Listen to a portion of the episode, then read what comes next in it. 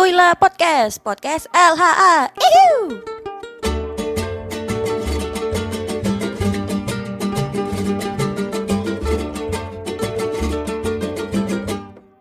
Assalamualaikum warahmatullahi wabarakatuh. Alright, kaulah muda kembali lagi bersama kita di Kuila Podcast. Yeay, Wuhu. Mantap. mantap, mantap, mantap. Ini bakal ditemani dengan saya Diana Rahmi dari Prodi Entomologi asal Medan selama satu jam ke depan. Dan rekan saya, Oke, Mbak Diana dan bersama saya Ifah dari Prodi PWL dan asal dari Bengkulu. Kita nanti di sini bakal bahas-bahas tema-tema yang hmm, mungkin sekarang lagi hangat-hangatnya dibahasin ya Mbak Diana ya. Lagi ngetren kali ya. Ya, lagi ngetren tuh, ngetren banget nih sekarang. Oke, kayaknya Eh, Yang saya belum kenalan loh. oh iya, Iya. silahkan. Ya, ah, saya Arif dari tadi Dari tadi, Iya. oke Mas Adi dari tadi. sama ada teman Yang- saya juga. siapa tuh? Oke, mantap. Saya Novian dari dari tadi juga. Oh, ikut-ikut. Gading. Ikut-ikut ya. Saya dari Jogja, dari Jogja. Saya orang Jogja. Wih, Mantap. mantap. Oh ya, malam ini ngobrol apa nih kira-kira nih? Iya, anyway kita di sini bakal cerita-cerita mengenai satwa dan puspa yang ada di Indonesia. Betul sekali. Betul Satwa, banget. ya? Ini temanya nih sangat iya, sangat krusial banget ya di Hmm, zaman mantap. sekarang nih. Oh iya, apalagi kan kemarin tanggal 5 tuh kan memperingati Hari Puspa dan Satwa ya. Oh iya, betul betul Bang, betul banget tuh. Hmm. Tapi Puspanya bukan Puspa yang penyanyi loh ya. Puspa yang Itu titik penyanyi. puspa. Oh, Mantap Mas Ari. beda ya, beda ya. Hmm. Beda dong. Gue juga, eh, saya juga punya temen nih. Dia anaknya tuh, wah, anaknya konservasi banget deh tentang satwa-satwa gitu. Pada mau tahu nggak siapa? Siapa tuh? Ah, kita panggil aja langsung kali ya. Ada Faisal, Halo Kak Isal. terus ada lagi Bang Deka. Halo. Hadir, siap hadir. ada lagi juga nih, ada Mas Didik nih. Jadi kita ngobrolnya biar rame aja nih.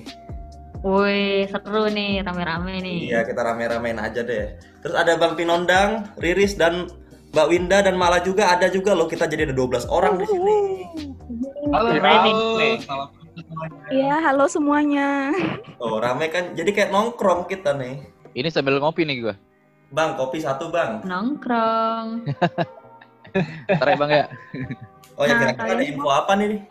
Pasti semuanya penasaran mengenai sudut pandang pemahaman generasi milenial mengenai konservasi cinta puspa dan satwa ya kan. Wah, iya, Iya sih. nih. Inilah kita panggilkan dulu narasumber kita. Yang pertama Mas Novian mengenai perburuan paus di NTT. Gimana menurut Mas Novian? Udah tahu ceritanya belum Mas Novian? Belum, gimana tuh ceritanya, Mbak Nadia? Jadi- Eh, Mbak Diana kok Mbak Nadia lagi? Kebalik kan saya. Jadi gini ceritanya. Jadi mereka itu berburu paus, tapi hatinya tuh tulus niatnya. Jadi hasil perburuan itu bakal dibagi-bagikan sama janda dan fakir miskin di lingkungan tersebut. Oh, Mereka iya. juga nah, mereka juga berburu itu nggak di setiap saat. Ada bulan-bulan tertentunya. Nah, gitu ceritanya.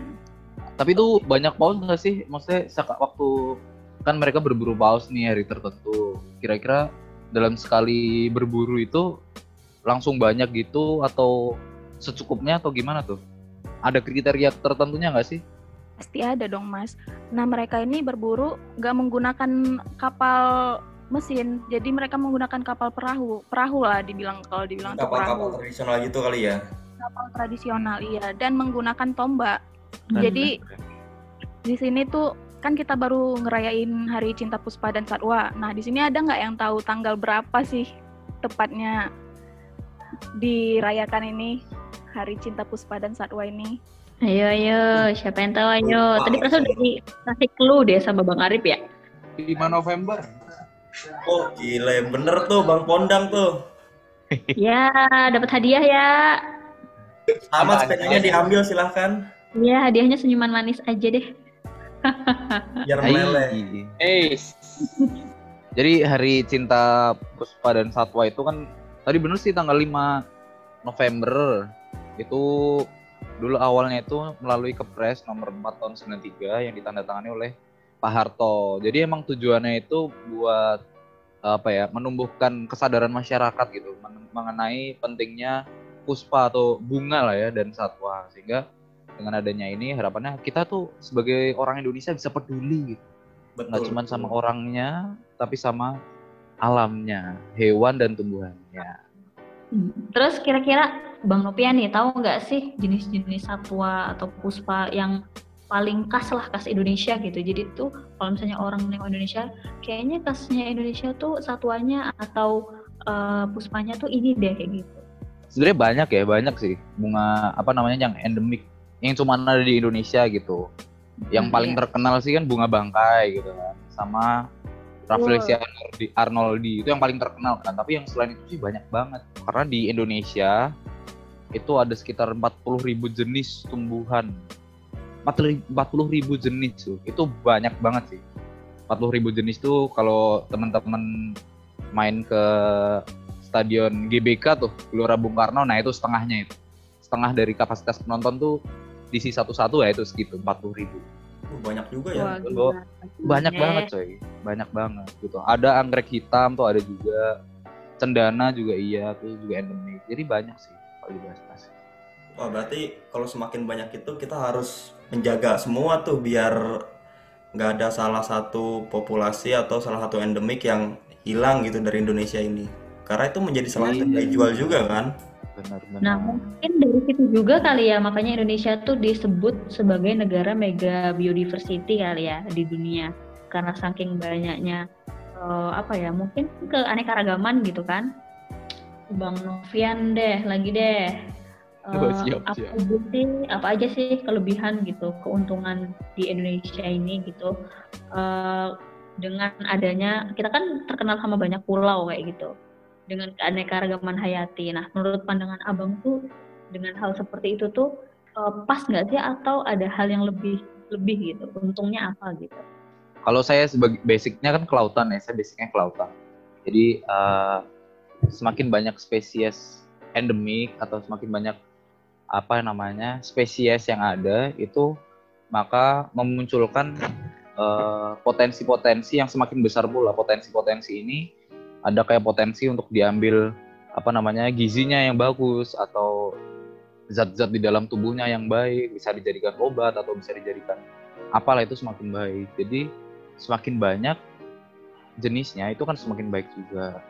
Terus buat wisata juga makin baik terus terus sebagai dengan semakin banyak pula sebenarnya ini juga ta- tanggung jawab kita juga ya tanggung jawab juga. Semakin banyak tuh semakin susah untuk menjaga sebenarnya.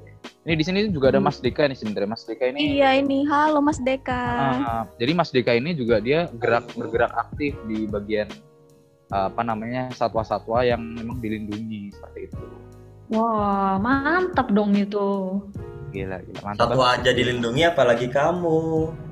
Eh, iya. Punch banget. Iya, iya. Gimana tuh Mas Dika tuh? Yuk. kalau nanggepin hari Cinta Puspa dan Satwa, pertama-tama udah pada tahu belum nih Satwa dan Puspa Nasional Indonesia itu apa? Aduh, saya nggak tahu. Ini Mas, kalau ini dari Puspa bunga Arnold. Ar Arnoldi, Rafflesia. Rafflesia Arnoldi. sama sih baru searching juga sih kak.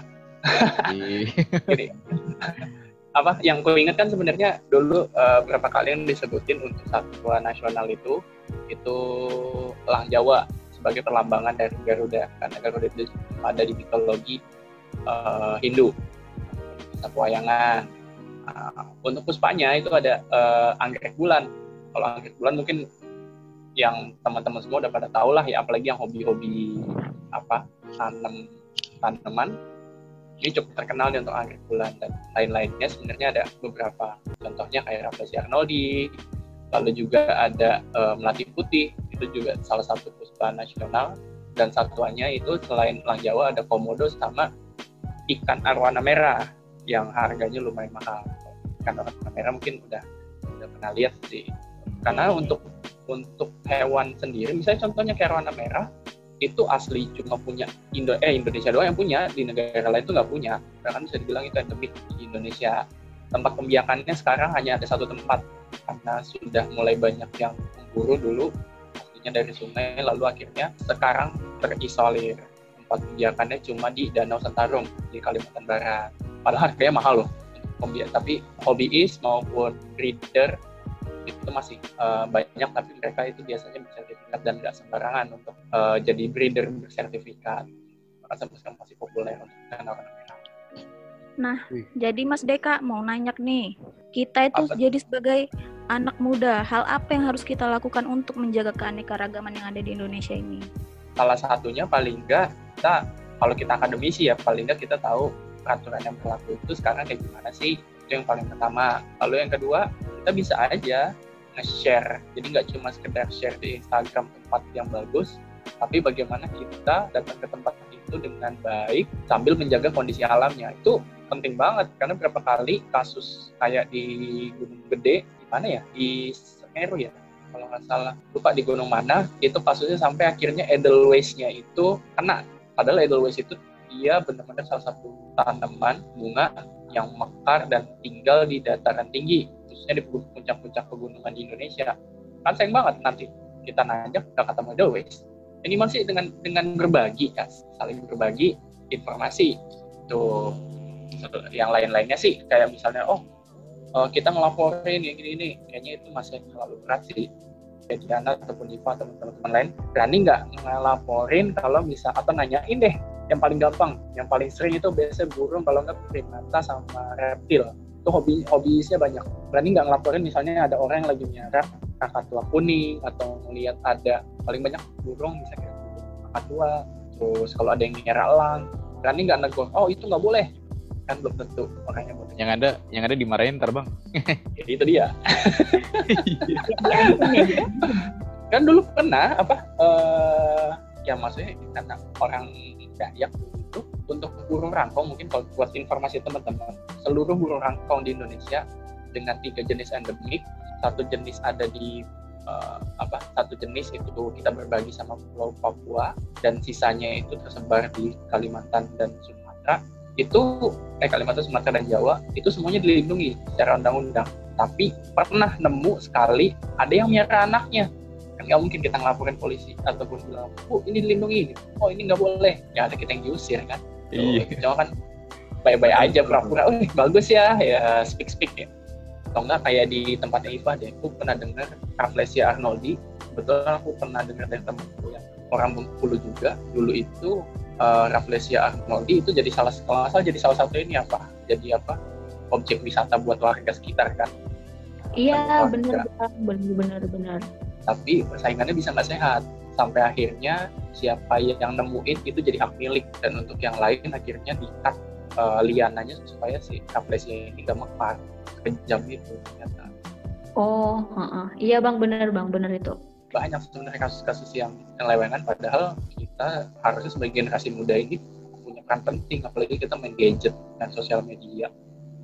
Siapa sih yang tahu sosial media? Yang pu- yang nggak punya mungkin ada tapi informasi itu sekarang beredar banget di sosial lebih gampang banget ya apalagi kayak era globalisasi kayak ini kayak sekarang ini gitu kan Iya, sekarang ini kan banyak juga nih satwa dan puspa langka yang udah ada di Indonesia. Lambat laun, kalau terjadi kepunahan, apa sih dampaknya untuk Indonesia ini? Ya dampaknya banyak sih. Paling paling deket ya, paling gampang nih. Aku eh, aku ambil contoh, misal nih di Singapura atau di Jepang gitu. Bahkan anak muda mereka pun melihat ayam hidup pun nggak pernah gitu. Jadi mereka tahu ayam, tahu ayam bisa dimakan, tapi dia mereka nggak pernah lihat. Ya mungkin nggak semua sih, tapi ada orang yang nggak pernah lihat ayam itu hidup seperti apa.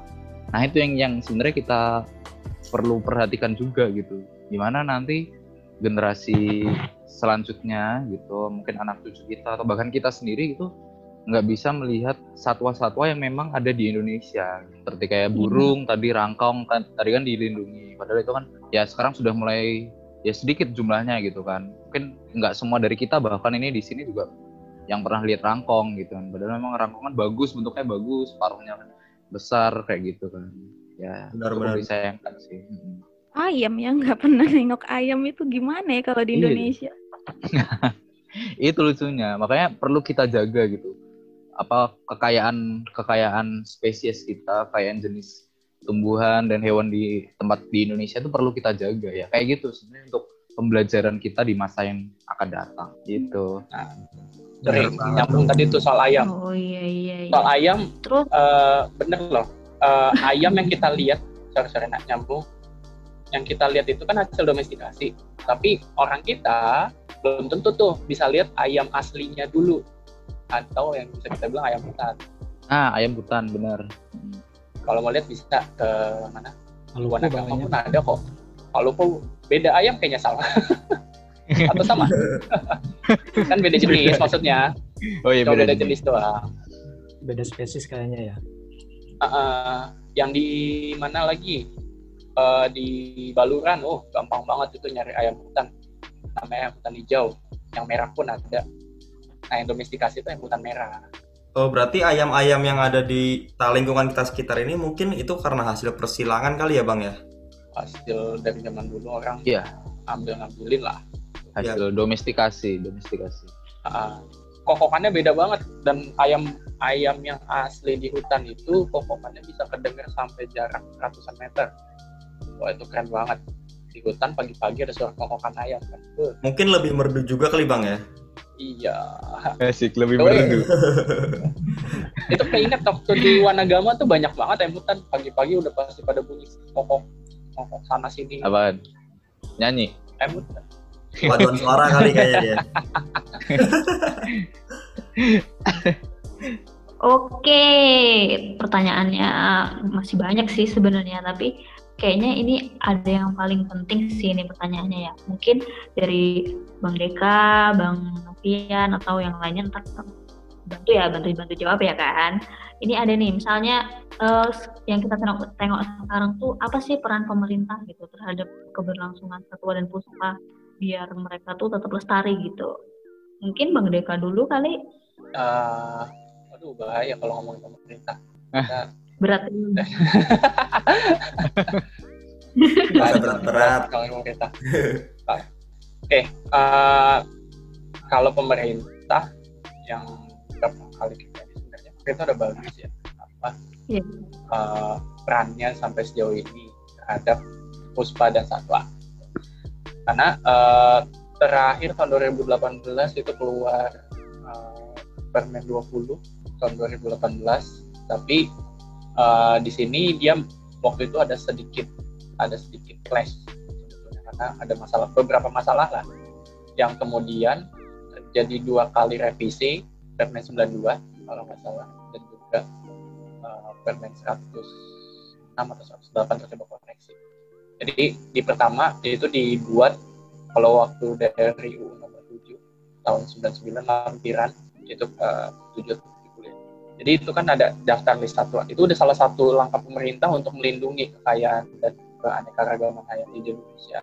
Dan kemudian dikeluarin daftar list baru karena katanya ada revisi dan hasil diskusi panjang. Dua kali revisi itu ternyata ada sedikit kontroversi sebetulnya. Di perubahan 20 ke 92 eh, sempat kontroversi dari segi peneliti sama pengamat hukum.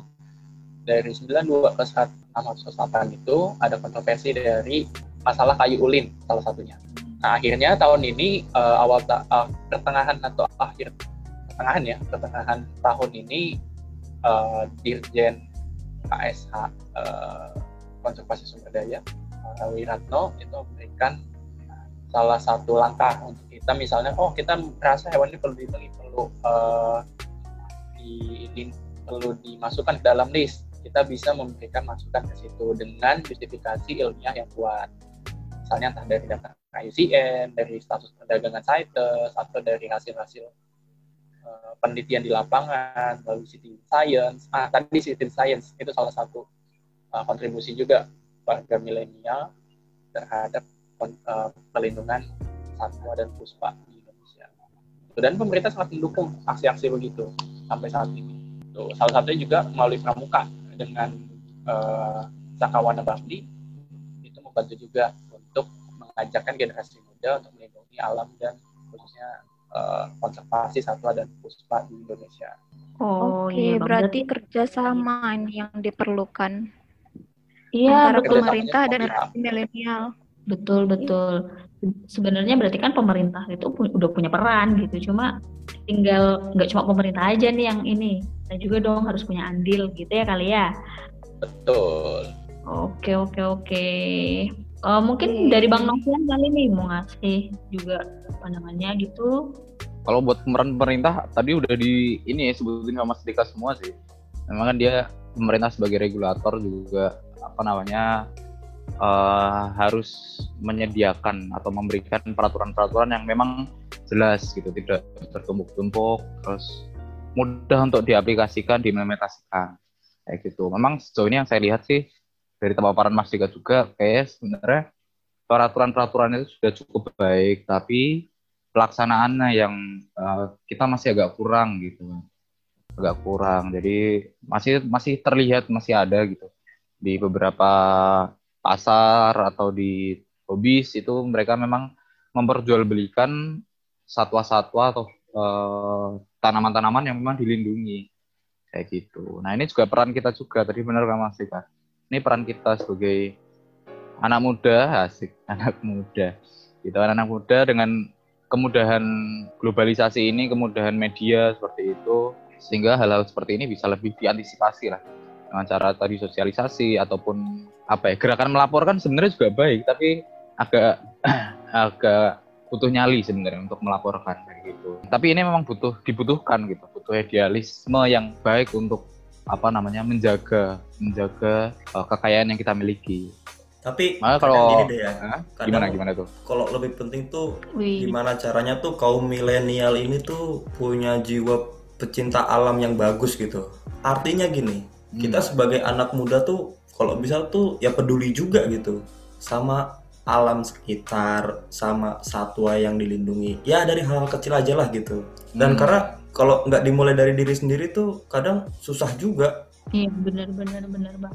gitu. Intinya kita butuh kerjasama lah, kerjasama Betul. antara pemerintah dengan masyarakat. Intinya gitu. Buat para pendengar Wila Podcast ini, ya semuanya kita harus ikut menjaga eh, Kelestarian. satwa, mm, kelestarian satwa dan flora, flora fauna yang kita miliki. Bener banget tuh. Tanpa mereka we are nothing. siap, siap, siap, siap. Mas. Mantul, mantul. Iya, karena itu sebagai kayak nilai plus juga dari dari negara kita ini. Punya nilai jual kita dari flora dan fauna ini. Iya. Hanya dari itu buat para pendengar juga nih, bener tadi kata Novian, kita harus bisa melestarikan, menjaga. Ya kalau bisa kita juga sambil mensosialisasikan hal-hal baik lah. Panjang umur kebaikan, asik. Asik mantap. Ya gitu, Mbak Diana.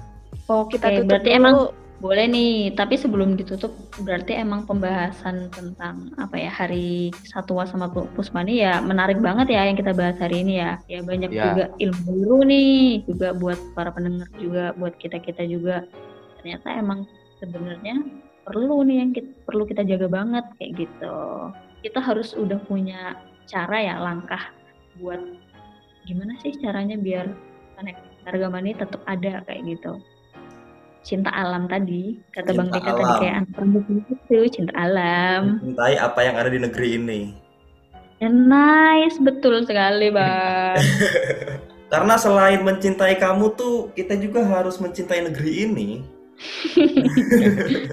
oke oke. Berarti dari segmen ini ya berarti sebenarnya ya sebenarnya kesimpulannya banyak banget tapi intinya hari satwa dan puspa ini jangan cuma sekedar kita peringati aja gitu kan. Cuma kita berarti harus langkah nih langkah langkah awal kita buat gimana caranya untuk mencintai alam menjaga flora fauna dan menjadi eh, apa ya milenial yang bermanfaat lah ibaratnya buat sekitar dan lingkungan terus juga eh, dengan keanekaragaman yang udah kita punya ini seharusnya kita bangga. Jangan jangan malah kita kayak abai aja gitu ya kan bang? Mbak Betul. terus habis itu juga eh banyak banget peran pemerintah juga yang udah dibikin peraturan terus habis itu udah mencanangkan untuk ke masyarakat. Jadi jangan cuma pemerintah doang dong yang banyak-banyak bikin aturan, tapi kita juga mulai dari diri sendiri untuk menaati itu, terus kita juga ajak lingkungan kita untuk menjaganya, pasti semuanya bakal baik-baik aja, ya nggak? Pasti. Tap. Pasti.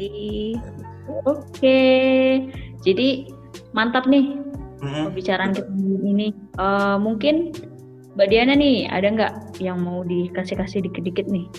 Ya kalau untuk penutup kesimpulan itu aku tuh setuju. Kita sebagai milenial harus ikut turut membantu pemerintah untuk menuntaskan yang tidak baik di negeri kita tercinta ini. Oke. Iya, Itu aja, Mbak. Oke, jadi mungkin ini ya eh, segmen kali ini mungkin sampai di sini dulu nih. Tadi kesimpulannya juga udah banyak banget ya. Pokoknya intinya cintai dirimu, cintai lingkunganmu, pasti lingkunganmu akan mencintaimu juga. Mantap Oke, jiwa. Ya, Keren, mungkin mungkin itu nih eh, segmen kali ini cukup ya. Kita bakal pamit undur diri. Semoga kita bertemu lagi di segmen selanjutnya. Oke, jangan lupa Oke. dengerin Kuila Podcast karena berisi informasi-informasi menarik yang bagus untuk kalian dengar. Ih, nice banget nih. Ya, terima kasih. Sampai bertemu di episode selanjutnya. Bye.